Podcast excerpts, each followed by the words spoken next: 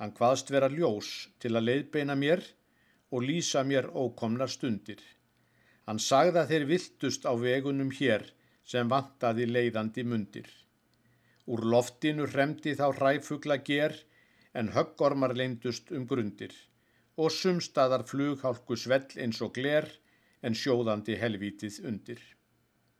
Og endirinn varð að ég eins og hann sá að óþverra merki við bárum, því heimurinn englunum nextlaðist á en hændi sig fremur að árum. Og syndin í hrúum á hrygg mínum lá, ég hektist af bakverkjum sárum og það voru ótrúleg ósköpað sjá hvað úr mér gatt farið af tárum. Já, djöfullin sá mætti talum þá tíð, þau tár og þann Guðs orða lestur.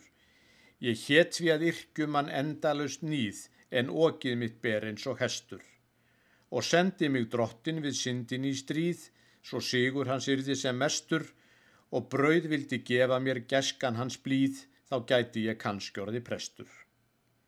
Ég hrestist við þetta, minn ryggur var byll. Hver hátt skal þá kirkjan mín óma? Ef ringjarinn kemur, þó hann sé þar einn, skal hvelvingin boðskapin róma. Svo fannst mér að auðmíktin fallekkin einn sem fór með þá heilugu dóma. Og prestur sem dæmdur er hér ekki hreinn, gatt hins vegar orðið til sóma. Að enda sem biskup ég einsetti mér og útbýta himneskum fræðum og leiða svo kristnin í landinu hér að lifenda eilífum gæðum. En steinróta gjörfallan helvítis hér með hugveikjum bænum og ræðum og okra á jarðríki og geta þar smér en jórtra því síðan á hæðum. Svo drókst ég af stað eins og drekklaðið far með drápsklifjar spurning og bæna, þær voru mér ljósinn um leiðirnar þar og lyktinn af fólkinu væna.